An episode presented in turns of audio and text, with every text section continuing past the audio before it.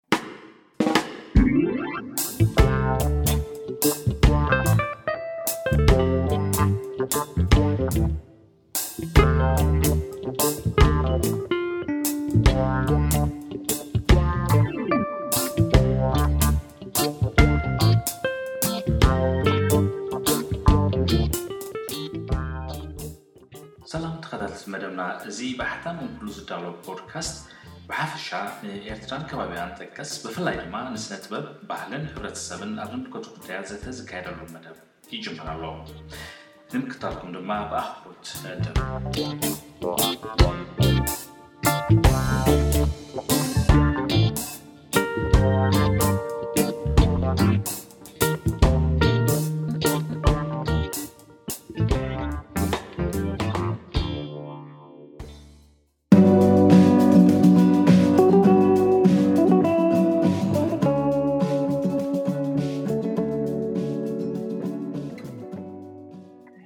ኣለኹ እታ ወርሒ'ኳ ብጸሊም ደበና ኣካላን ብርሃናን እንተተሸፊና ተኸዊላ'ምበር ሞይታ ንብላ ዲና? ድብዝዝ እንተበለት ከም ዝተታኸሰት ብርሃና ከይሕባ እናተቓለሰት ወትሩ ኣለኹ እንድያ ትብል ተስፋ ፈታዊኣ ምእንቲ ከይተምስል። ከምኡ ድማ እዚ ዒግታ ትኪ ምስ እልቢ ንፋሱ ኣዒንተይ ኣንቢዑ ትንፋሰይ ዓቢሱ ሞተይ ከርእየኒ እንድዩ ተበጊሱ። ኣጽኒቑ ኣጽኒቑ ነይተርፍ ምንፋሱ ኩሉፍ ከብለኒ ዕድመይ ከሕጽረለይ ካብታ ዝርካባ እንተቖርመመለይ ትኪ ወዲ ትኪ ዘይውዳእ ዝመስል ከም ዝፈተወኒ እንተበለኒ ዕስል ካብቲ ውሽጡ ጽባሕ ጊሓት ካብ ጥሽ ከም ዝወጸት መርዓት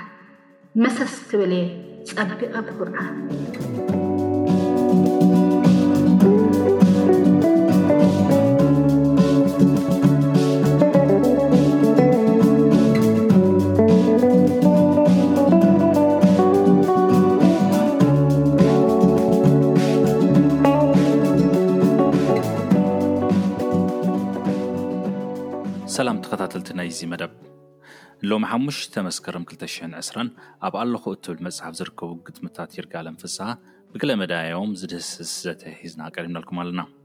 እዚ ዘተ ንጉዳይ ደቂ ኣንስትዮን ሰብኣዊ መሰልን ዝትንክፉ ግጥምታት ንምስትምቓር ዘተኮረ ክኸውን እዩ። ሓንቲ ካብ ተሳተፍቲ ናይዚ ዘተ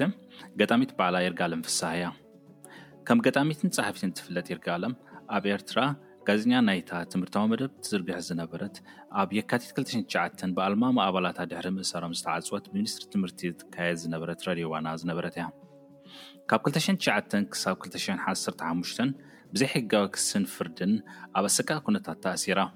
ከምኡውን በደላ ከይተነግራ ድሕሪ ሽዱሽተ ዓመታት ተፈቲሓ ሕጂ ኣብ ጀርመን እትርከብ ይርጋኣለም ናይ ግጥሚ እኩብ መጽሓፋ ኣለኹ ብዝብል ኣርእስቲ ኣብ ክልተ ሽሕን ዓሰርተ ትሽዓተን ብመገዲ ኣሕታሚ እንክሉ ንሕትመት ኣብቂዓ። ካልእ ናይዚ ዘተ ተሳታፊ ዶክተር ናዝሬት ኣምለሶም እያ። ዶክተር ናዝሬት ተመራማሪት ስነ ቋንቋ ኮይና ኣብ ስነ ጽሑፍን ቋንቋን ከምኡውን ኣብ ጉዳይ ደቂ ኣንስትዮን ሰብኣዊ መሰልን ልዑል ተገዳስነት ኣለዋ። ካብ መወዳእታ ትሸዓታት ክሳብ ቀዳማይ መፋርቕ ትሽሓት ኣብ ዩኒቨርሲቲ ኣስመራ ቋንቋ እንግሊዝኛን ስነ ቋንቋን ምሂራ። ሕጂ ድማ ኣብ ዩኒቨርሲታት ኖርወይ ትምህር ኣላ። ኣብዚ ቀረባ እዋን መገዲ ኣሕታማኦም ኩሉ እትዝርጋሕ ፍርዲ ንፋስ ተመንን ሓረስታይን እትብል ናይ ቆልዑ መጽሓፍ ኣዳልያ ኣላ። ቀሺ ዮናስ ወልደርፍያል እውን ኣብዚ ዘተ ምሳና ሓቢሩ ኣሎ። ቀሺ ዮናስ ኣብ ኤርትራ ኣብ ራድዮ ድምጺ ሓፋሽ ኤርትራ ከምኡ'ውን ናይ ብሕቲ ጋዜጣ ሓዳስ ኣድማስ ከም ጋዜጠኛ ሰሪሑ። ናይ ትርጉምን መብቆላውያን ስርሓቱ ዝሓዛ መጻሕፍቲ እውን ኣበርኪቱ። ኣብ ክልተ ሽሕን ዓሰርተ ትሽዓተን እንቶሽ እትብል እኩብ ግጥምታቱ ዝሓተት መጽሓፍ እውን መገዲ ሓታሚ ኣምኮሉ ኣሕቲሙ። ኣብ ከተማ ኡምዮ ዝነብር ቀሺ ዮናስ ኣብ ርእሲ ስርሓቱ ኣብ ሓንቲ ካብ ዩኒቨርሲታት ሽወደን ተምሃራይ ኣህጉራዊ ዝምድናታት ወይ ድማ ኢንተርናሽናል ሪሌሽንስ እዩ። ኣብ ሓጺር እዋን መገዲ ኣሕታም እምኩሉ ትዝርጋሕ ኣንፈቐስቲ እትብል እኩባት ዓንቀጻት ዝሓዘት መጽሓፍ እውን ኣዳልዩ ኣሎ ንሳትፍቲ ናብ ዘተ እንኳዕ ደሓን ምጻኹም እናበልኩ ናብ ዘተ ኣስክርኩም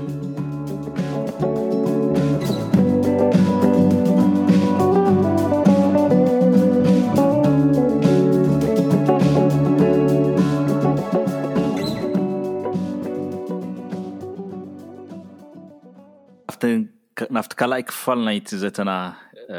ክንሓልፍ ሕጂ ንሰብኣዊ መሰል ዝምልከት ግጥምታት ክንድህስስ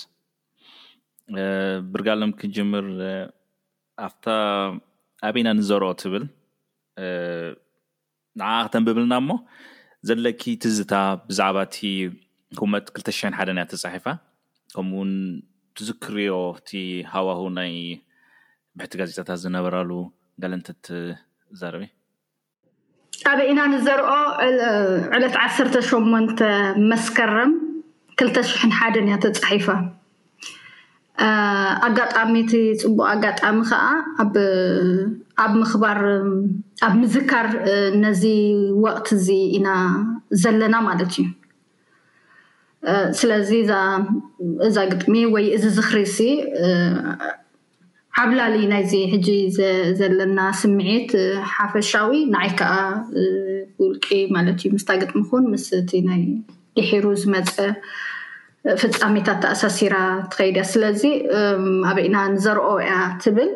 ኣብቲ ግዜ እቲ ቅድሚ ገለ መዓልትታት ኣብ ቁርሲ ቀዳም ኣብ ጠዓሞት ቀሪባ ነይራ ናእሽቱ ምቅያራት እውን ተገይርሉ ኣሎ ካብታ ሽዓት ዝቀረበት ዓብ ዘይኮነ ግን ቁርብ ለውጥታት ተገይሩሉ ኣሎ ማለት እዩ ስለዚ እዚኣ ኣብ መበል ዓሰርተ ትሽዓተ ዓመታ እያ ትንበብ ዘላ ኣበይና ንዘርኦ ኣቱም ሰባት ዘርእና ነቂዙ ከይንሓርስ መሬትና ተገዚቱ ኣለናልክን ንብለን ኣለና ዝብላና ይስፋሓ ይንኣሳ ቀጫጭን ገራሁና ብርቢዒት ዘርኢ ኮናትል ዝህባና ሱብሕ መሬተን ማሕረሻ ከይሽከሎ ክሳዳ ብዑርና ኣርዑት ከይቋረኖ ጭቃ ዓድና ገዚቶም ብሓበራ እቲ ዘርኢ ይንቀዝ ንሰን ይቓድራ ሰሪ ሕሱም እዋን ስኢንና መዝርኢ ሕቶ ኣቕሪብና እንተሎ ሰማዒ ሓሳብ ድማ መጽዩ ካብ ፈተውቲ ካብ ሓው ካብ ሓፍቲ ግራት ጭቃ ዓዲ ከም ዘይብሉ ቀይዲ ተማኺርና ፈውሲ ምንቃዝ ዘርኢ ዘርእና ፍሉይ ዝዓይነቱ ብቑንጣሮ ዘርኢ እንተላም ዘእቱ ምበልና እሞ ከመይ ቢልና ኣይንሱንዶ ትዘርእና ኣይንሰንንዶ ተንገራሁና ንሰን ክህገራ ንሕና ተኣጊድና ካብዚኣ ብምብጋስ ካልእ እውን ፍርዲ ምርኡይ ትብል ኣላ እሽታ ዝብላ ፍትሒ ምስ ባህሊ ትግርኛ ኣብ ትግርኛ ስለ ዝተፃሓፈ እዚ ምትእስሳር ከቸነስ እንታይ ትብል ብፍላይ ኣብዘን ግጥምታት እቲ ቃላታት ኣለዉ ኣምራት ኣለዉ ባህላውያን ዝኾኑ ንፍትሒ ኣብቲ ባህላዊ ሕብረተሰብ ትግርኛ ዝገልፁ ምስ ተኣሳሲርካ ገለ ተትብለና። ኦኬ ኣብዚታት እኳ ዝያዳ ዶክተር ተትዛረብ ደስ ምበለኒ ነይሩ ቁሩብ ሓሳብ ዝሓይሽ ክህልዋ ይኽእል እዩ ኢለ ይሓስብ ኣብቲ ናይ ቃላት ማለት እየ ኣብዚ ብሓፈሻ ግን ኣብታ ኣበይና ንዘርኦ ፅባቐ ናይዛ ግጥሚ ንዓይ ዝተረኣየኒ ቅሩብ ክዛረብ ከምቲ ዓንተወይ ዶክተር ናዝሬት ዝገለፀቶ እቲ ኣቀራርባ ናይዚ ግጥሚ ምስ ማሕረስ ተመሲሉ ብሓደ ግሩም ዝኾነ ጥበብ እቲ ዘርኢ እቶም ኣብዑር እቲ ኣርዑት እቲ ግራት ኩሉ ነንዝውክሎ ወኪሉ ቀሪቡ ኣሎ። እተን ዝነበራና ናይ ብሕቲ ጋዜጣታት ወላ እኳ ውሑዳት ይንበራ ግን ከኣ ፅቡቕ ኣበርክቶ ዝነበረን ዝተፈላለየ ትሕዝቶ ዝነበረን ከምቲ ርግኣለም ኢላቶ ዘላ ምናልባት ሓደ ሰብ ሓደ ንእሽተይ ኣበርክቶ ይገብር ግን ናይ ብዙሓት ኣኪቡ ብዙሕ ኮይኑ ዝመፃለን ስለ ዝነበራ ከምዚ እንታይ ኢላትን ዘላ ከምዚ ውሑድ ዘርእና ሲ ኩንታላት ዝህባና ብርብዒት ዘርኢ ኮናትል ዝህባና ዝበለቶ ማለት እዩ እቲ ናይ ብሕቲ ጋዜጣ እየ እንደዘክራኒ ኣብዚ ተገሊፁ ዘሎ ማለት እዩ እቶም ጭቃ ዓዲ ገዚቶምን ድማ ከዓ ብሓበራ ንገለገለ እኳ ከይከውን ንኩለን ገዚቶም ዝበለተን ምስቲ ሰብኣዊ መሰል ኣተኣሳሲርና ብፍላይ ከዓ ምስ ናይ ሓሳብካ ናይ ምግላፅ ናይ ምፅሓፍ መሰላት ኣተኣሳሲርና ክንሪኦ ተዳ ኮይና ድማ ብኣዝዩ ውሕሉል ኣገባብ ተገሊፁ ኣሎ ማለት እዩ ኣበይና ንዘርኦ ዘርኢ ሒዝና ዘርኢ ኣለና ግን ኣበይ ኢና ንዘርኦ እቲ ክንዘርኣሉ ዝግብኣና መዝርኢ ንሱ ተገዚቱ ተኸልኪልና ሕጂ እቲ ቃላት ተጠቒማትሉ ዘላ እቲ ምግዛት ዝብል ንባዕሉ እቲ ጭቃ ዓድና ዝብል ምስቲ ባህላዊ ኣገባብ ፍትሒ ዘውፃልካ እዚ ገይሩ ኢኹም ኢልካ ተቐርበሉ ጉዳይካ ተቕርበሉ እቲ ጭቃ ዓዲ ሓላፊ ነቲ ባህላዊ ቃላት መሪጻ ኣብኡ ምእታዋ እቲ ዘርኢ እቲ ኣበሃህላ እንተላም ዘእቱ እቶም ቃላት ነንነፍሲ ወከፎም ብዙሕ ከምዚ ክትመራመርን ዝያዳ ነቲ ቃልካ ዝያዳ ክትፈልጦ ዝገብርን መበቆላውያን ወይ ከዓ ከም ዘይተለቃሕናዮ ትግርኛ ብትግርኛ በቲ ባህላዊ ትግርኛ ገይሩ ዝቐረበ ንሰብኣዊ መሰል ንምግላፅ ዝጥቀም እዩ እንታይ ባህላዊ ኢለ ዝደጋግሞ ዘለኹ ሲ እዚ ምኽባር ሰብኣዊ መሰላት ሲ ከምዚ ዘመናዊ ጌርና ስለ ንርድኦ ገለገለ ቃላት ሕጂ ንባዕሉ እቲ ሰብኣዊ መሰል ዝብል መብዛሕትኡ ሰብ ሂዩማን ራይትስ ዝብል ከይወሰኸ ኣይዛረቦን እዩ ከምዚ ካብ ደገ ዝመጸ ዝመስል ኣምር ኮይኑ ይቐርብ ማለት እዩ እሞ ኣብዚ ናይ ይርጋኣለም ግጥሚ ግን ንሪኦ መበቆላዊ ኣብ ዓድና ዘሎ በቲ ትግርኛ በቲ ባህላዊ ትግርኛ ጌርካ እውን ክትገልጾ ከም እትኽእል ኮይኑ ረኺብዮ ኣብዛ ኣበይና ንዘርኦ ትብል ዶክተር ምስ ተዛረበት ምናልባት ጽንሕ ኢላ ክምለስ እየ ብጣዕሚ ፅብቕቲ መእተዊት ጌርካለይ ቀሺ ዮናስ ኣብታ ሕቶኻ ክምለስ ቴዲ ብባህላዊ መንገዲ ከመይ ጌርና ንገልፆ ሰብኣዊ መሰላትን ፍትሕን ዝብል ማለት እዩ ሓደ ካብቲ ዘገድሰኒ ኣርእስቲ እዩ እዚ ማለት እዩ ንምንታይ ኣብ ባህሊ ናይ ኣፍሪቃ ብሓፈሻ ብዙሕ መጽናዕቲ ዝተኻየደሉ ኣርእስቲ እዩ። ብዛዕባ ሰብኣዊ መሰል ምዝራብ ብዘመናዊ ዓይነት ምዝራብ እሞ ተጣባቕቲ ናይ ሰብኣዊ መሰል ዓለም ለኻውያን ተጠባቕቲ ናይ ሰብኣዊ መሰል ከም ሁማን ራይትስ ዎች ምህላወን እንታይ ኮይኑ ስማዓና ንዓና ማለት እዩ ከምዚ ብዛዕባ መሰል ወዲ ሰብን ብዛዕባ ዴሞክራሲን ምዝራብ ብዛዕባ ፍትሒ ምዝራብ ብደገ ዝመፅእ ናይ ምዕረባውያን ባህሊ ኣኣባና ዘየለ ጌርና ንሪኦ ብዙሕ እውን ቅድሚ ሕጂ ዝተዛረብኩሉ ኣርእስቲ እዩ እዚ ማለት እዩ ሕጂ ንሕና ኣብ ባህልና ብዛዕባ ፍትሒ ክንዛረብ ብዛዕባ ዓመፅ ክንዛረብ ግቡእ ኣይኮነን ክንብል እቲ ባህላዊ ትምህርቲ ካብ ዘመናት ክመሓላለፍ ዝጸንሐ ሓደ ቀሊል ትምህርቲ ካብ ቆልዓ ጀሚርካ ንሓደ ዜጋ እትኹስኩሰሉ መንገዲ ጽውጽዋይ እዩ። ጽውጽዋያትና እንታይ ይብል ኢልና ክንርኢ እንተኾይና ማለት እዩ ሕብረተሰብና እንታይ ይኣምን ኣብ ዝብል ክስታይ ክንወርድ ኢና ማለት እዩ። ኣብቲ ኣብ መእተዊ እውን ኢለዮ ነይረ ይርጋኣለም ሲ ብባህላዊ መንገዲ ብሕቡእ ብዛዕባ ግራትን ብዛዕባ ዝተዘርዐን ዝተኣገደን ግራት ትዛረብ ኣላ ግን ብውሽጡ ካልእ ዘለዎ እዩ ማለት እዩ ካልእ ግጥሚ ከዓ ኣላታ ኣድጊ እንዳ ዓለቦይ ትብል ማለት እዩ ኣብ ገፅ ሓምሳን ሸሞንተን ዘላ ካብተን ምስ ፅውፅዋይ ባህላዊ ፅውፅዋይ ዓድና ይሰማማዕ እዩ ኢለ ዝሓስብ ብክልተ ሽሕን ኣርባዕተን ተፃሒፋ እቲኣ እውን ብክልተ ሽሕን ሓደን እያ ተፃሒፋ እታ ንዛረበላ ዘለና ግጥሚ ኣብቲ እዋን እቲ ከምኡ ኢላ ክትፅሕፍ ከላ ብሕቡእ ብእንስሳ ኣምሲላ ትዛረቦ ዘላ ናይ መሰል ኣሎ ኣድጊ እቲ ዝውጻዕ ንዓይ ሕጂ እቲ ኩሉ መንእሰይ ናይ ኤርትራ ብዘይ ግቡእ ደሞዝን ብዘይ ግቡእ ጻማን ንክንደይ ዓመታት ርሃጹን ጉልበቱን ዘፍሰሰ ኢያ ተረድኣኒ እታ ኣድጊ እንዳ በዓልቦይ ትብል ማለት ኢዩ ብጣዕሚ ጽብቅቲ ብዕምቆት ኩነታት ናይ መንእሰያት ኤርትራ።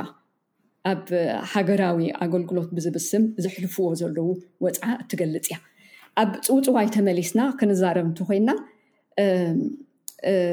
ኣብቲ ባህላዊ ማለት እዩ ብዙሕ ሓንትላ ኣድግን ዝብእን ሰለስተ እንስሳ እዮም። ማይ ጠፊኡ ደርቂ ኮይኑስ እሞ መን ደኣ ይበዲሉ እቲ ዝበደለ ይናዘዝ ኢሎም ይዛረቡ ኣንበሳ ኣድጊ ወኻርያ ገለ እዮም እቶም እንስሳታት ዘርዚረ ኣይገልጾምኒ ግንስ ኣይዝክሮምኒ ማለት እዩ ኩላቶም ክናዘዙ ይጅምሩ ሓጢኣቶም እስኻ ኢኻ ትኸውን በዲልካ ይብሉ ማለት እዩ ሕጂ መጀመርያ ዝናዘዝ መን እዩ ይብሉ እሞ ኣንበሳ ክናዘዝ ይጅምር ኣነ ነዘን ኣእድጊ በረኻ ኣጥፍኤ እየን እንስሳታት ኩላቶም ብኣ ይርዕዱ ክብሉ ክጅምሩ ከለዉ እቶም ትሕት ዝበሉ እንስሳታት ዋይ ወሪዱካ ኣንበሳ እስኻ ደኣ ከመይ ጌርካ ትጭቁን እስኻ ፈሪሖሞ እዮም እወ ንድሕሪ ንስኻ ኢኻ ተጥፍእ ዘለካ ኢሎም ንድሕሪ ስናቱ ሓሳብ ርዒሞም ንዕኦም ውን ከይበልዖም ፈሪሖም ንስኻ ኣይትጋገን ንስኻ ዝበላዕካዮን ዘጥፋእካዮን የብልካን ይብልዎ ከምኡ ናብ ነብሪ ይኸዱ እቶም ትሕት ዝበሉ በዓል ኣድጊ በዓል ዋኻርያ ከዓ ንስኻ ከምኡ ይትገብርን ኢኻ ይብልዎ ድሓር ንዋኻርያ ከዓ ኖ ንስኺ ከምኡ ይትገብርን ኢኺ ኣብ መወዳእታ ኣድጊ እንታይ ኢሉ ይናዘዝ ኣብ እቲ ዋናይ ከብኪቡኒ ንዕዳጋ ክኸይድ ከለኹስ ኣብቲ ገምገም ግራት ጥሉል ሳዕሪ ርኤ እሱ ከዓ ምስ ዓርኩ ክዕልል ደው ምስ በለስ ካብቲ ሳዕርስ ግህፅ ግህፅ ኣቢለ እቲ ዋናይ ከዓ መፂኡ ብኩርማጅ ገይሩ ብበትሪ ገይሩ ሰሊቑ ሰሊቑ ገዲፉኒ ስለዚ ኣነ እየ በዳሊት ኣነ እቲ ዝዓበየ በደል ዝገበርኩም ትብል እሞ ንኩላቶም እወ ኣድጊ በዲሉ ኢሎም ንኣድጊ ይፈርድዎ ሕጂ እዚ ብባህሊ እዩ ከምኡ ዝብሉ ዘለዉ ግን ኣብቲ እዋን እቲ ምናልባት ንሓደ መራሒ ሓደ ከም ኣንበሳ እንብሎ ክጋገይ ከሎ እስኻ ዶ ትጋገ ኢኻ እናበልና እነሽብዖ ወይ እነብሎ ማለት እዩ ሰብ እዩ ዝገልፅ ማለት እዩ ስለዚ ኣብ እቲ ኮንሽስነስ እቲ ርድኢት ናይ ፍትሒ ኣለና ዲ እዎ ኣለና ንጌጋ ጌጋ እዩ ንብል ዲና እዎ ብጥበብ ንብል እኳ ደኣ ካብ ፊውዳል ዝኾነ ሕብረተሰብ ስለ ንመጽእ ማለት እዩ እቲ ዝመርሕ ዘሎ ፍትሒ እንተዘይገይሩ ከምዚ ንብሎ ዘለና ፅውፅዋይ ገይሮም የድግምሉ ማለት እዩ ጌጋ ይገብር ከም ዘሎ ስለዚ እንታይ ኣነ እንታይ ይብል ማለት እዩ ርድኢት ናይ ፍትሒ ናይ ኩሉ ሰብ ኣብ ዝኾነ ደረጃ ናይ ምዕባለ ዘሎ ሰብ ናይ ኩሉ ሰብ ርድኢት እዩ ፍትሒ ዘይደሊ ብዛዕባ ፍትሒ ርድኢት ዘይብሉ ሰብ የለን። ስለዚ እወ ኤርትራዊ ሕብረተሰብ ብዛዕባ ፍትሒ ርድኢት ዓሚቝ ርድእት ኣለዎ። እኳ ደኣ ንደቁ ርድኢት ናይ ፍትሕን ርድኢት ናይ ብግዝኣተ ሕጊ ምንባርን እናመሃረ ክንደይ ከምኡ ዝብል ጽውጽዋያታት ኣለና ማለት እዩ። ሓቂ ምዝራብ እዚ ጸጋታት ንብሎ ማለት እዩ። ሓቂ ምዝራብ ኣብ ዕርክነት እሙን ምዃን ንዝተወፀዐ ኣብ ጎኑ ምዃን ክንደይ ከምኡ ዝበለ ፅቡቅ ዝኾነ ባህርያት ዝምህረና ሕብረተሰብ ኣሎ ስለዚ እወ ርድኢት ናይ ፍትሒ ኣለና ግን እቲ ሕጂ ዘሎ ኣብ ኤርትራ ዘሎ ስርዓት ንሰብ ብዛዕባ ሰብኣዊ መሰል ምዝራብ ከም ናይ ሕቡራት መንግስታት ውዲት ከም ናይ ወፃእ ናይ ምዕራባውያን ውድት ገይሩ ክሪኦ ከሎ ንሕና ካብ ባህልና ከነበግሶ ከም ዘለና ንምንታይ ኣብ ውሽጥና ዘሎ ከም ኩሉ ሰብ ፍጡር ወዲ ኣዳም ኣብ ውሽጥና ዘሎ ድሌት ናይ ፍትሒ እዩ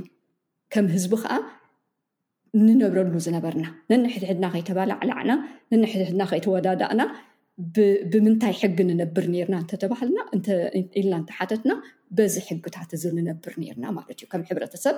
ተኸባቢርና ንክንነብር ምስዚኣ ዝበልክያ ትተኣሳሰረልና ስለዝኾነት ንድርጋሎም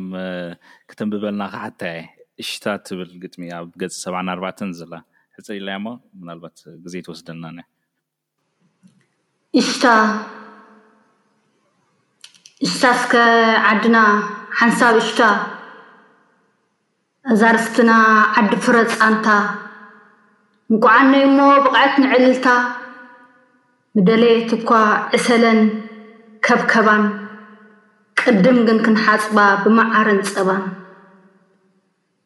ጉዳይ ውን ኣሎና ብዛዕባ ሕጂ ኣድቂቅካ ዝረኣ ብዓንቀጽ ብሕጊ ማሳ ሰዲዱ ኣራእስ ዘፍረሰ ጉራደ መዚዙ መሓውር ዘልመሰ መስፈን ናወርወረ ኣዒንቲ ዘፍሰሰ ግዲ ረሲዕዎ እቲ ዝወዓሎ መኺርናን ዘቲናን እንታይ ከም ንብሎ ኣብ ባይቶ ቀሪቡ ፍርዲ ይጽበ ኣሎ ግዜ ይመጽእ ኣሎ ከምዚ ዝበሃሎ ኣታ በዓል እከይ ሰይጣን ዝሰረሮ ደወል ንቃሕ ጠምት ይደሃየካ ኣሎ ካብ ምጉዳእ ሓውኻ ኣእዳውካ ኣልዕሎ። ንድሕሪት ክመልሰኩም እንደገና ንቀሺ ዮናስን ንርጋኣለም። ኣብ ግዜ ናይ ብሕቲ ጋዜጣታት ዝነብራሉ ካብቲ ሓሳብ ካብ ምግላፅ ዝብል መሰል ሓሳብ ካብ ምግላፅ ዝብል ኣርእስቲ ከይወፃእና ማለት እዩ ተዘክሮታትኩም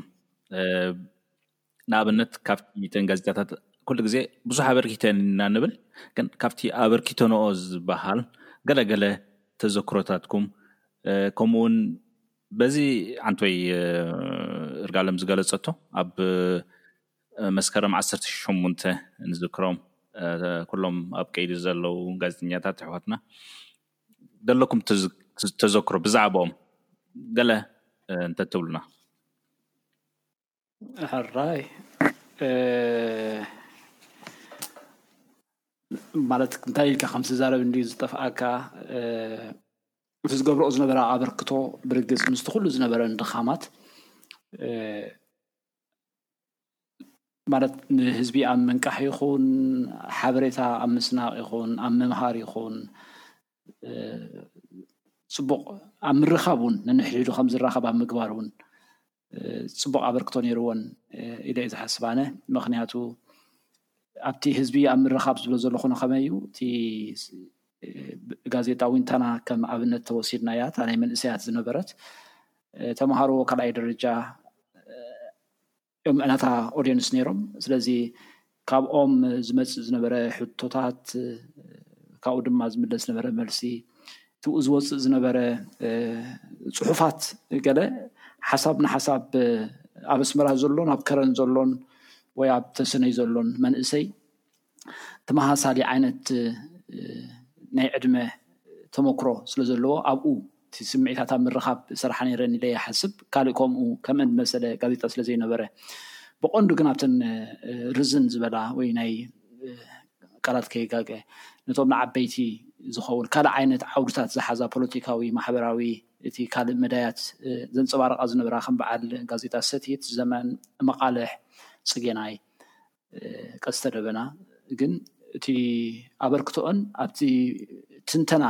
ኣብ ምቕራብ እውን ንዓና ሓድሽ እዩ ነይሩ። እቲ ፖለቲካዊ ትንተና ኣቀራርባ ሓድሽ እዩ ነይሩ። ኣብቲ ማሕበራዊ ህይወት እውን ካልእ ጋዜጣ ሓዳስ ኤርትራ ይኹን ብሬድዮ ብቲቪ ዘይተሸፈነ ኣብቲ ናይ ብሕቲ ጋዜጣታት እዩ ዝቐርብ ነይሩ። ልዕሊ ኩሉ ግን እቲ ናይ ስነ ጥበብ ስርሓት ንበሎ ንኣብነት እቲ ኣብ ዞባታት ዝግበር ዝነበረ ናይ እንታይ ክትብሎ እዚ ናይ ቁርሲ ቀዳም ኣብቲ ዓመት ኣብ ኣስመራ ነይሩ መኣዲ ስነ ጥበብ ዓዲ ቀይሕ ኩስራ ናይ ዓሰብ ኣብ ዝተፈላለየ ቦታ ኣብተን ጋዜጣ ናይ ብሕቲ እዩ ዝያዳ ሸፈነ ዝረክብ ነይሩ እቲ ዝግበር ዝነበረ ንጥፈታት ማለት እዩ እቲ ሓሳብካ ናይ ምግላፅ ከዓ ብፍላይ ብግጥሚ ኣብኡታት ብዙሕ ይግለፅ ነይሩ ናይ በዓል መለስ ንጉሰ ግጥሚ ናይ ገለ ገሌና ማለት እዩ ናተይ ንባዕለ ጅናተ ይዝክር ሓንቲ በርሃ ዓርከይ ትብል ግጥሚ ብቐጥታ ነቲ መሪሕነት ዝነቅፍ ማለት እዩ ግን ከዓ ብግጥማዊ ብውክልና ዝፀሓፍ ዝነበረ ነይሩ ስለዚ እተን ጋዜጣ እንታይ ኣበርክቶ ነይርወን እንድሕር ኢልና ነዚ ኩሉ ክንጠቕሶ ንኽእል ኮይኑ ይስማዓኒ ብሓፈሽኡ ማለት እዩ እቶም ኣዳለውቲ ይኹኑ እቶም ኣብኡ ዝሰርሑ ዝነበሩ ንዓመታት ተኣሲሮም ዘለዉ ብሶትና ገሊኦም ሂወቶም ዝሓለፉ ውን መንግስተ ሰማይ የዋርሶም ንዓኣቶም ነቶም ዘለዎ ከኣ እግዚኣብሄር ፍትሒ ከውጻሎም ንጽሊ ማለት እዩ እቲ ዘለኒ ተዘክሮ ግን ንሳተንሲ በቃ ከምዚ ጽቡቕ ተራእየን ጸዲቐን ዝነበራ ናብ ምፍራይ ገጸን ናብ ምዕንባብ ገጸን ዝኸዳ ዝነበራ ካብ ዕለት ናብ ዕለት እናዓበያ እናደመቓ ዝኸዳ ዝነበራ እየን ነይረን ስቕ ኢለ ኣይኮንኩን ከምኡ ዝብል ዘለኹ፣ ምኽንያቱ ኣብ ሰሙን ከክልተ ግዜ ክኾና ጀሚረን ነይረን። ጋዜጣ ኣድማስ እውን ብጀካቲ ጋዜጣ ምዃን ናብ መጽሄት እውን ዓብያ ነይራ፣ ክልተ ግዜ መጽሄት ሓዳስ ኣድማስ ተሓቲሙ ነይሩ ማለት እዩ። ስለዚ እቲ ብሓፈሻ ክትሪኦ ከለኻ እተን ጋዜጣ እቲ ዘበርክተኦ ዝነበራ ኣበርክቶ ነዚ ይመስል ማለት ኣባ ቀሺ ኩሉ እቲ ዝበልዎ መታን ከየቋስሎ ወይ ኣብ ልዕሊ እቲ ኩሉ ዝበልዎ ብዛዕባ እተን ጋዜጣታት ስለ ዝተዛረቡ ምስ ሙሉእ ብሙሉእ ምስ ስምዒት ወሲከ ጓሂ ወሲከ እነሱይ ዝበልዎ ሙሉእ ብሙሉእ ዝኽረይ እዩ ናይ ሓባር ዝኽርና እዩ ዝብል ማለት እዩ ምስ በዓል ኣባቐሺ ወላ ምሳኻ ቴድሮስ ወይ ምስ ካልኦት ሰባት ክንላለ ወይ ክንራኸብ ኣብ ናይ ሓባር ዓውዲ ከም ንነጥፍ ክንፋለጥ ዝገበራና እውን ብዘይክአን ካልእ ክኸውን ኣይክእልን ኢለ እየ ዝሓስብ ንባዕልና እዚ ሕጂ ንገብሮ ዘለና ዘተ ኣብ ዓድና ክንገብሮ ዘይምኽኣልና ንሳተን ክሳብ ሕጂ ስለ ዘይሃለዋ ወይ ንሳተን ክፀርግኦ ዝኽእላ ዝነበራ መንገዲ ብሓርፋፉን ብኣሻኹን ክሳብ ሕጂ ስለ ዘሎ እዩ። ብእተን ጋዜጣታት ሰሚዩ ስለ ዝጠቐሰ ኣባ ቐሺ ኣነ ኸኣ እቶም ሰባት ፀሓፍቲ፣ ኣበርከቲ ጽሑፋትን ኤዲተራትን ናይተን ጋዜጣታት ስለ ዝነበሩ በዚ ጋጣሚ ኩሎም ማለት እንተዘይረሲዐ ስሞም ክጠቅስ ከዓ ደስ ይብለኒ ስዩም ፀሃየ ጀሽዋ ፍሳ ዮሃንስ ኣማንኤል ኣስራት ምድሃኒ ሃይለ ዓብደልቃድር ትሕግዘኒ ዶ በኣሺ ስዒድ ዓብደልቃድር ዮሱፍ ናይ ፅጌናይ ተመስገን ገብረየሱስ ማቴዎስ ሃብተኣብ ዳዊት እወቶም ኣብ ቤት ማእሰርቲ ዘለዉ እንድ ዝዝክር ዘለኹ ኮይነ ዳዊት ወዲ መምህር ዳዊት ሃብተ ሚካኤል ናይ ኩሎም ጠቒሰዮም እንተኮይነ ዳዊት ይስራቅ እቶም ኣበርከቲ ፅሑፋት ዝነበሩ እውን በዓል ወዲ ኢታይ ኣባዕረ ስለዚ በዚ ኣጋጣሚ እውን ኣብቲ ግዜ ስለ ዘለና እቲ ወቅቲ እውን ንዕኦም ንምዝካር ንዕኦምን ከምኦም ዝኣመሰሉ ሰባት ንምዝካር ነውዕሎ ስለ ዘለና ኣስማቶም ጥቃስ እውን ኣድላይ ኮይኑ ስለ ዝተሰማዓኒ እዩ ሙሉእ ብሙሉእ እቲ ዝኽሪ ናይ ኣባቀሺ ከዓ ናይ ሓባር ዝኽሪ እዩ ካብዚ ናይ ሓሳብካ ናይ ምግላፅ መሰል ውፅእ ኢልና ናብቶም ግጥምታት ኣብ ግዜ ማእሰርቲ ዝተፃሕፉ ክንሰግር ኣብኡ ብናተይ ርድኢት ብዙሕ እዋን ኣብ ናፍቖት ኣብቲ ስነኣእምራዊ ፀቕጢ ብብዝሒ ኣትኲርኪ ክትፅሕፊ ከለኺ እቲ ኣካላዊ ማህሰይቲ ዶ ኣይዓዝዝን እብል ኣነ ከኣ ብኣንጸሩ ከመይ ከመይ ትርእዮ ክልቲኡ ክልቲኡ ዝነጻጸር ኣይኮ ክልቲኡ ስቃይ እዩ ግን እቲ ኣድህቦ ከመይ ናብቲ ዛዝዩ ይርጋለም ግጥሚሲ ናብ ዝያዳ ምስ ስምዒት ምስ ውሽጥና እንድዩቲ ርክቡ ኮይኑ ዝስማዓኒ ስለዚ ኣብ ውሽጥኻ ዝጸንሕ ከኣቲ እቲ ስምዒታት እዩ ማለት እዩ እቲ ናይ ኣካላዊ ቃንዛስ እቲ ኣካላዊ ቃንዛ እቲ መድሃኒት እቲ ሕክምናዊ መድሃኒት ኮይኑ ዝፍውሶስ እቲ ውሽጣዊ ቃንዛኻ እዚ ግጥምታት እዩ ዝፍውሶ ዝኸውን። ስለዚ መድሃኒተይ እቲ ናይ ውሽጢ ስምዒታተይ ማለት ትራፒ እዩ ነይሩ ንዓይ ስለዚስ እቲ መድሃኒተይ ንምድላየ ናብኡ ኣተኪረ ዝኸውን ከምዚ ብከምዚ ዝሓቶ ዘለካ እኳ ፈላለየ ርእዮ ዘይፈልጥ እንተኾንኩ ግን ዝያዳ ምስ ሓሳብ ማለት ስለ ዝቆሰልካስ ኣብ እግርካ ስለ ዝተሰበርካስ ብዙሕ ምሕሳብ ኣየድልየካን እዩ ውሽጥካ ተተጎዲእካ ተጉሂካ ግን ኣብ ርእስኻስ ይጸንሕ እዩ ብዙሕ ፕሮሰስ ይገብር እዩ ስለዚስ ምስ ከምኡ እዩ ዝኸውን ኢለ ይሓስብ ምናልባት ዘይተዳለኹላ ሕቶ እንተኾይና ከዓኒ ረኺብካኒ ኣለኻ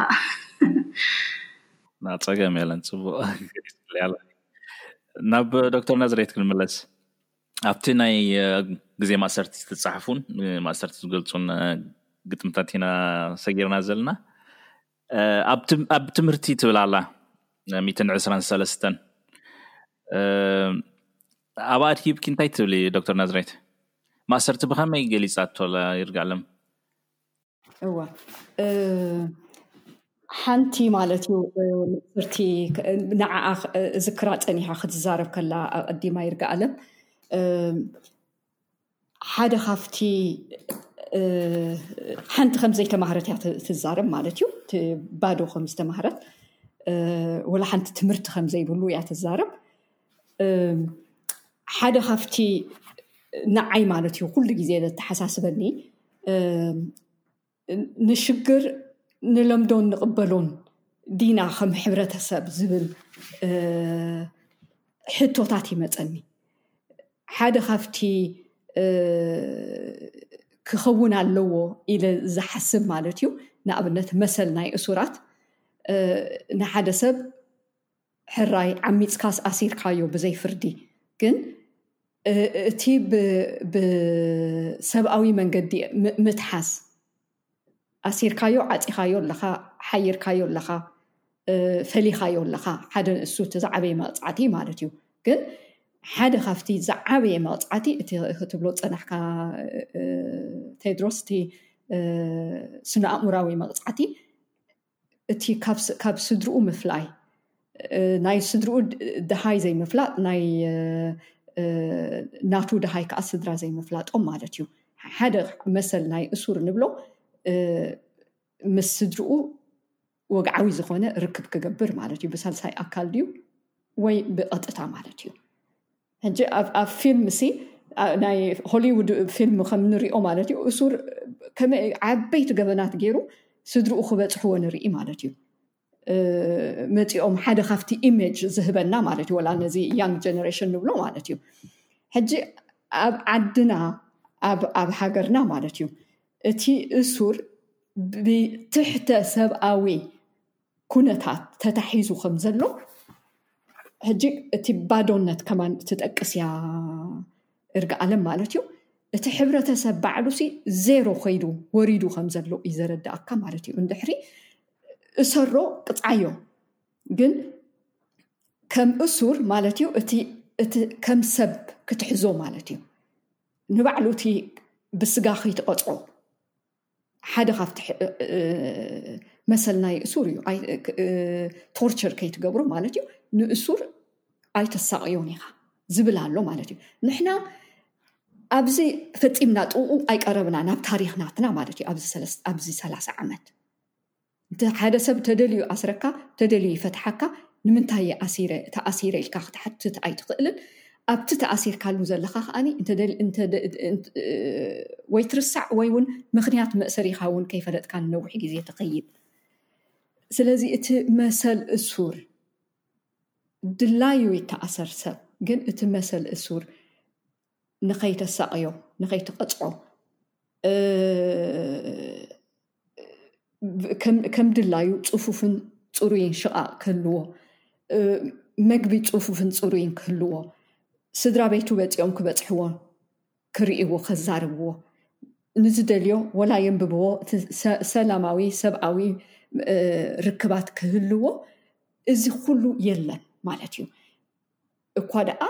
ከም እርግኣለም ከመይ ገይራ እያ ትገልጾም ኣብ ትሕቲ መቓብር ከም ዘለዉ ሞይቶም ዘለዉ ሕጂ ሓንቲ ካፍታ ትብላ ብዛዕባ ደብዳቤ ኖ ምስ ረኸብኩኻ ሲ ዜና ክህበካ ከምዝሎ ክብለካ ሲ እንታይ እሞ ክነግረካ እየ ደይ ብዛዕ እቲ ዜና ዘለና ሲ ናይ ኣብ ደገ ዘሎ ዜናስ ብዛዕባ ሞትን ብዛዕባ ስደትን ብዛዕባ ጥፍኣትን እዩ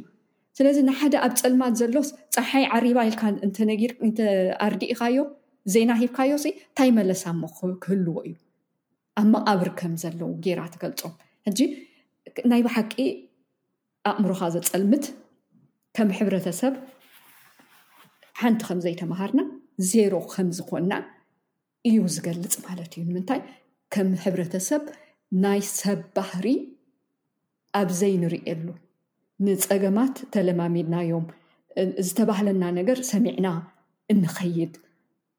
ከይሓተትና እንታይ ኮይኑ ኢልና ከይሓተትና ከምዚ ዝግበኣና ከም መቕፃዕቲ ከም ሓጢኣት ካብ ኣምላኽ ከም ዝወፀእ ጌርና እንርኢ ሰባት ኮይና ማለት እዩ እቲ ፀገማት ስለዚ እዚ ከበደ። ስለዚ ከቢድ እዩ ኩነታትና ስለዚ ሓደ ካብቲ መግለፂ ናይቲ ባዶ ዘይተምሃርናዮ ባዶ ወሪድናዮ ዘለና እስሪ ቤት እዩ መግለፂ እዩ እቲ መግለፂ ዘይብሉ ኣገባብ ኣተኣሳስራ ኣብ ኤርትራ ዘሎ እዩ መግለፂ ኢላ ሓስብ ኣነ ፅቡቅ ዶክተር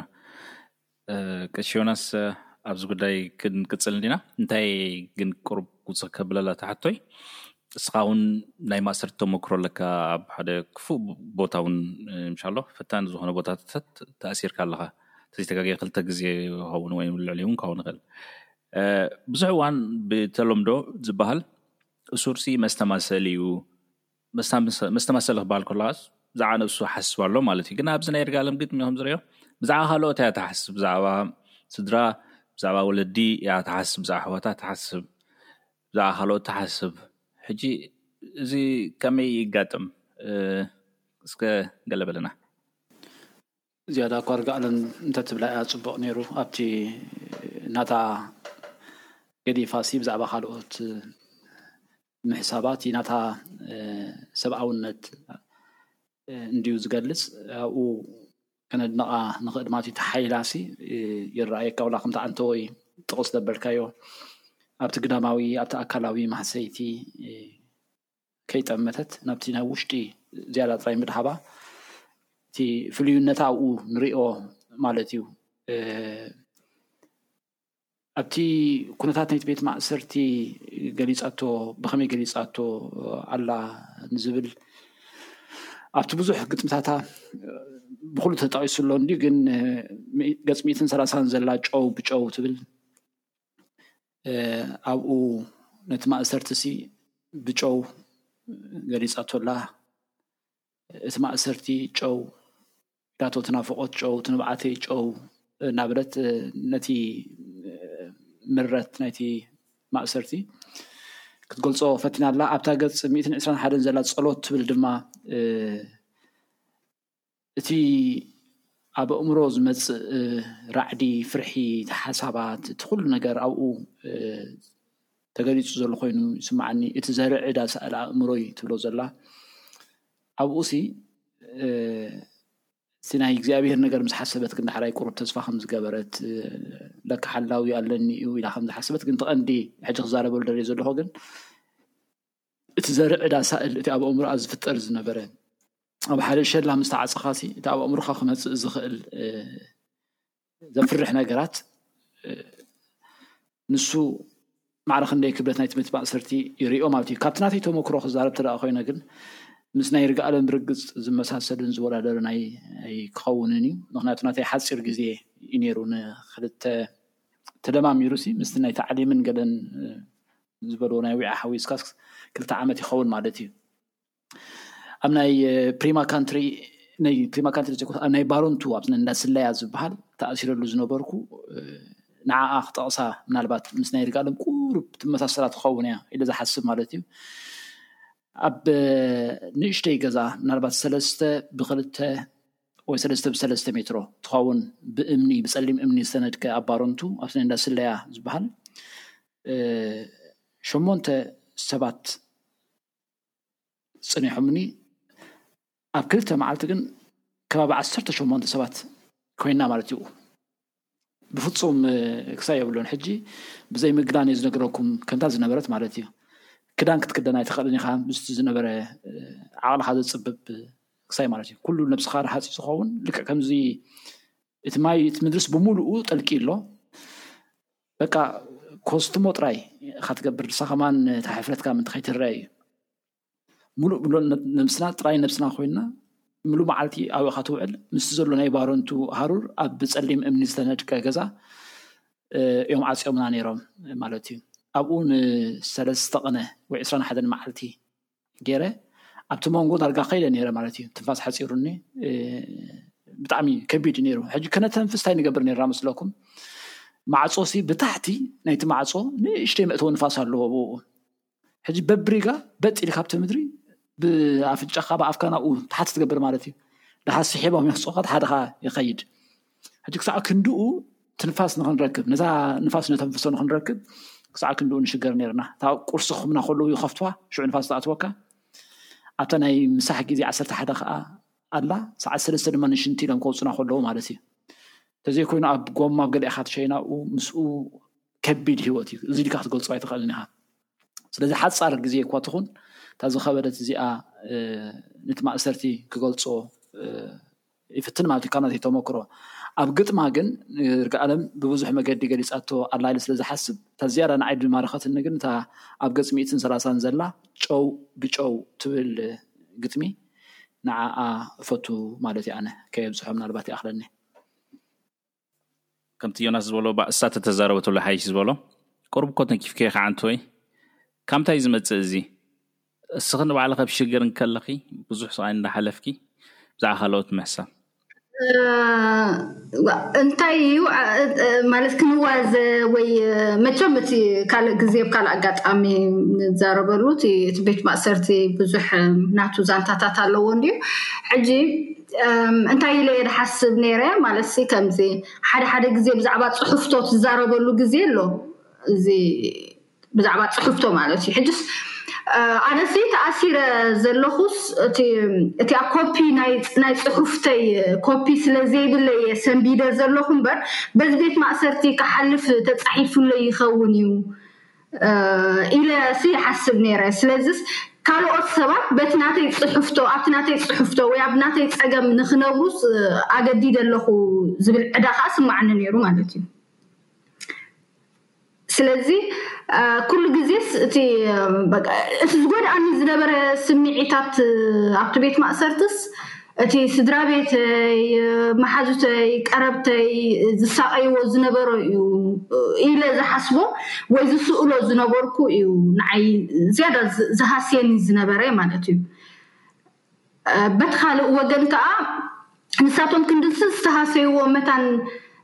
እቲ መዓልቲ ሓጎሰይ ክርእዩ ብምባል ከዓ ካብ ብዛዕባ ነብሰይ ብዛዕባኦም እቲ ንሳቶምስ ወፅኤ ክርእዩኒ ኣለዎ ዘለዎም ምንጭነት ኢለ ዝሓስቦ ንኸርእዮም ሞራል ዝገበርኩሉ ግዜ ከዓ ነይሩ ማለት እዩ ስለዚ እቲ ክጉዳእ ከለኹን እቲ ሞራል ክገብር ከለኹን ሲ ኩሉ ግዜ ኣብ ከባቢይ ዘለዉ ሰባት ኣሕዋተይን ስድራ ቤተይን መሓዙተይን ቀረብተይን እናሓሰብኩ እየ ዝሓልፎ ነይረ ማለት እዩ ኦኬ ካብኣ ዘይትፍለውን ብዛዕባ ኣደ ማለትን ዝያዳ ይልክ ኣለ መስለኒ እዛ ሽም ብዙሕ ግዜ ትደጋገም ሰማዐ ኣብ ብዙሓት ስድራ ቤታት ንኣደ ዛይት ሽመና ኣዴታቶም ዛይደይ ዛይድ ዝያዳይ ገለ እንዳበልካ ምፅዋዕ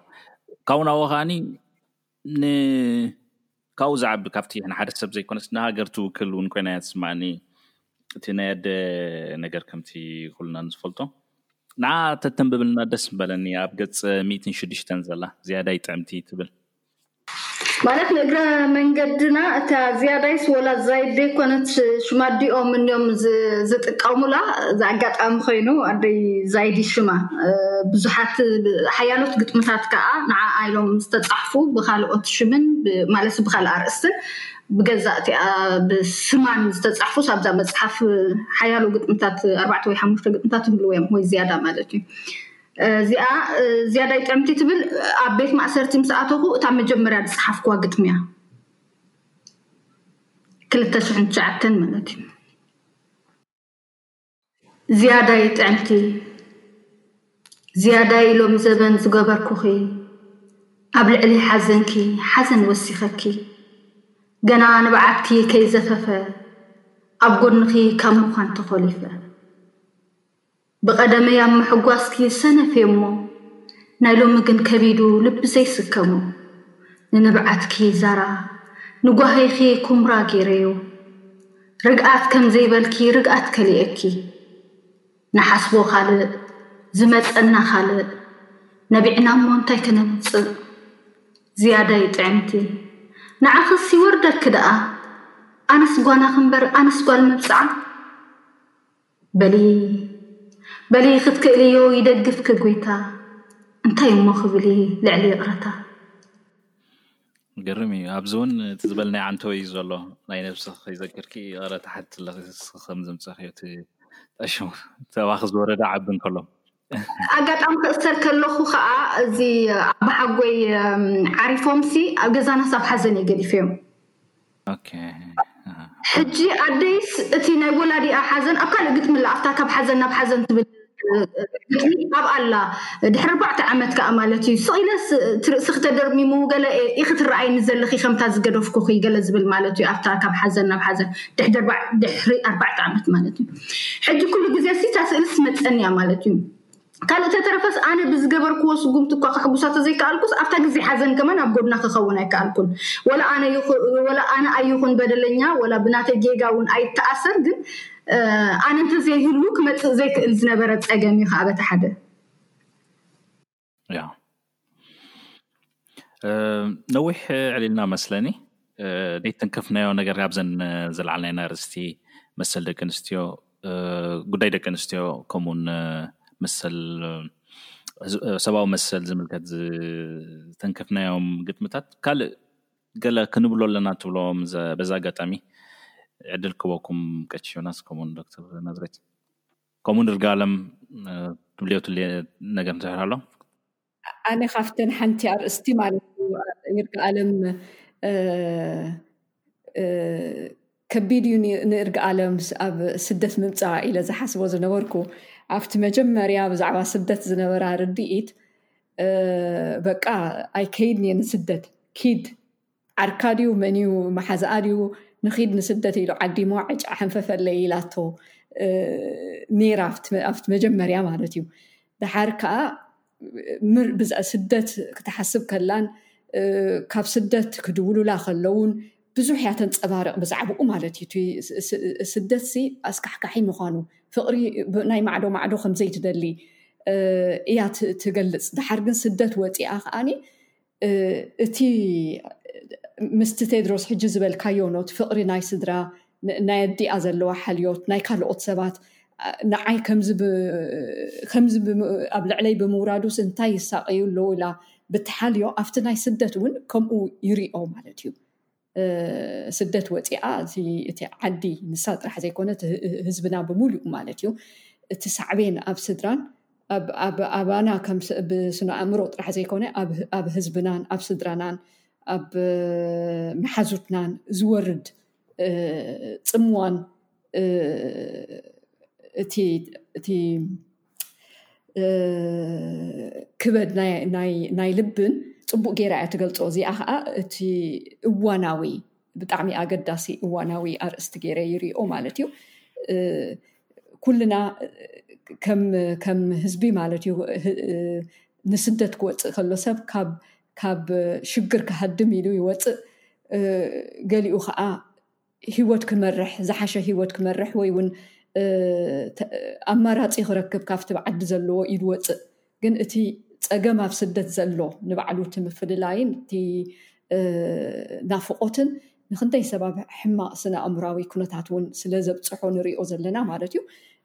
እዚ እውን ከመርእስቲ እቲ ዝዓበየ ኢላ ሓስብ ማለት እዩ እታ ናተይ ሓሳብ በዚ ይዛዝም ኣብቲ ናይ ይርጋኣለም ከዓ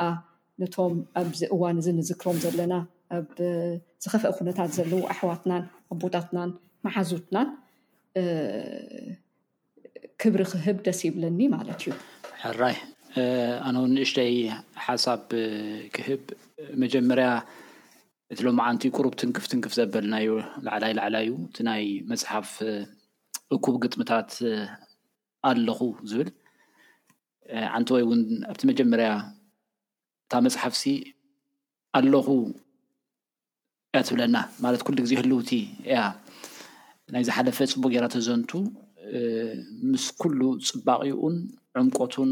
ኣገላልፅኡን እቲ ሕርያ ቃላቱን ድማ ልዕሊ ኩሉ ማለት እዩ በታ ናይ መጨረሻ ዝተንከፍናያ ግጥሚ ናይ ዛይደይ ወይ ዝያዳይ ትብል ኣዲኣ እኳ ኣጋጣሚ ኣጋጣሚ ክኸውን ይኽእል እቲ ሽም ዛይድ ኮይኑ ድማ ከዓ እቲ ኣበርክቶ ወይ ከዓ እቲ ስእላዊ መግለፂ ድማ ዝያዳ ኮይኑ ተሰማሚዑ እቲ ቃላት ብጣዕሚ ትፈትዎ ማለት እዩ ዛይድ ከም ሽም ጥራይ ዘይኮነሲ ዛይድ ከም ቅጽል ኮይኑ ዝያዳ ክቐርብ ከሎ እቲ ኣብ ግጥምታታት ተጠቒማትሉ ዘላ ቃላት እቲ ኣገላልጻ እቲ ጽባቐ ገሊጽካ ዝውዳእ ነገር ኣይኮነን ብኡ ከድነቓ ይደሊ ንርግኣለም ማለት እዩ ብቐደሙ እቲ ግጥምታታ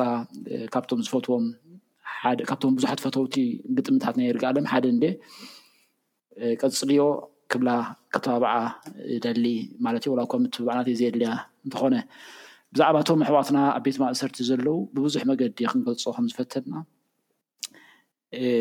እግዚኣብሄር መዋጽኦ ይፍጠረሎም ብሓቂ ማለት ክንድኡ ዝኣክል ዓመታት ኣብ ከምቲ ዘለዎ ኩነታት ክእሰሩ ብዝኾነ ይኹን መገዲ ምኽኑይ ኣይኮነን። ይትረፍዶ ሓደ ገበን ንዘይገበረ ሰብ እኳድኣ ብኣንጻሩ ነታ ሃገር ብዙሕ ኣበርክቶ ዝገበሩ ኣገልግሎት እናገልገሉ ከለዉ እቲ መንግስቲ ዝደልዮ ኩሉ ሕጊ እናማልኡ ከለዉ ወላ እቲ ጋዜጣ ከይተረፈ ኣፀሓሕፍኦም ከይተረፈ ነቲ መንግስቲ ብዘየቀይም መገዲ እናፀሓፉ ክንሶም ኣብ ከምዚ ምውዳቆም ብሓቂ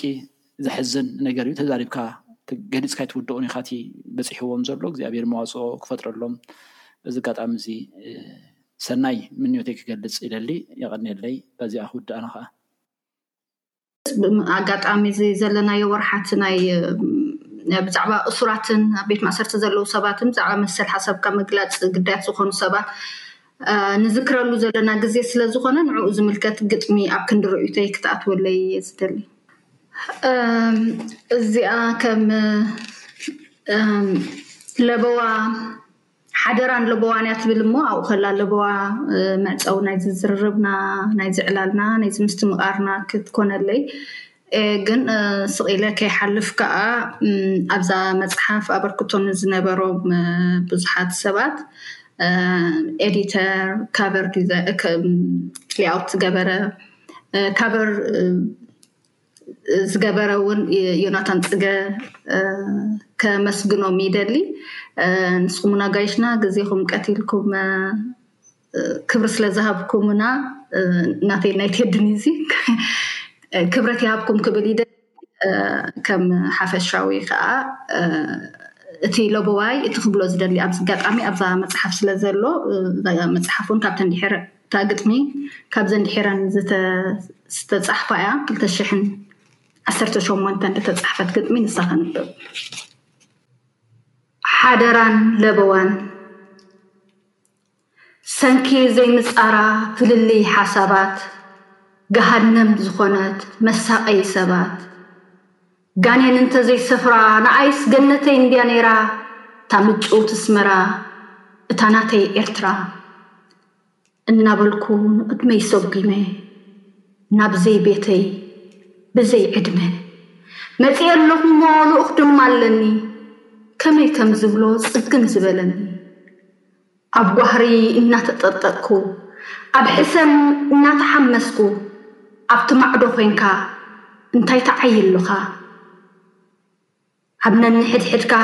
እንታይልካዮ በትሪ ንመን'ዩ ትወንጽፍ? ደርብዮ እቲ እምኒ። እናፋጠጥካ ወገንካ ኣይተህድም ከም ትምራቕ ትውሕሕጥ ኣብል ክትሰርሕ ክትፍንጥሕ ግዜ ኣይተዕርቦ ክትጠማመት ንሽግር ዕድመ ኣይትሃቦ ይብለካ ኣሎ ኣብ ጸበባ ዘሎ ይብል ኣሎ ኣብቲ ጉድጓድ ዘሎ ትብል ኣላ ኣብቲ ቀዝሒ ዘላ ትብል ኣላ ኣብቲ እቶን ዘላ ውሉዳን ዕድሚኣን ሸላ ዝመንጠላ፣ ናይዚ ትንፋስ ዘይህብ እዋን፣ መልእኽቲ ውጹዕ'ዩ ሓደራን ለበዋን። ምእንቲ ክርሁ ዓድኻ ክትድሕን፣ ምእንቲ ክርሁ ወገንካ ክድሕን፣ ፍልልይካ ጼርካ ትኽእእል ኣብል፣ ፈውሲ ሒዝካ ከድካ ኣብ ቀብሩ ከይትውዕል። ኣዝዩ ደስ ዘብል ዘተ ኣካይድና ንኩልኩም ከዓ ግዜኩም ሰዊእኩም ኣብዚ ምፅናሕኩም ኣብዚ ዘተ ምስታፍኩም ኣዝየ የመስግነኩም። ተስፋ ክገብር ከዓ ኣብ ተመሳሳሊ ካልእ ኣጋጣሚ ተራኪብና ካልኦት ሰፋሕቲ ዕላላት ክነካይድ ስለዚ ምስ ኩሎም። ተኸታተልቲ ናይዚ ፕሮግራምና ከኣ ኣመስግነኩም። ተኸታተልቲ እውን ኣዝየ ኣመስግነኩም። ናይ ሎሚ ኣዳሊናልኩም ዝነበርና መደብ እዚ ወዲእና ኣለና። ቀጻሊ ስጋብ ሰሰናዩ።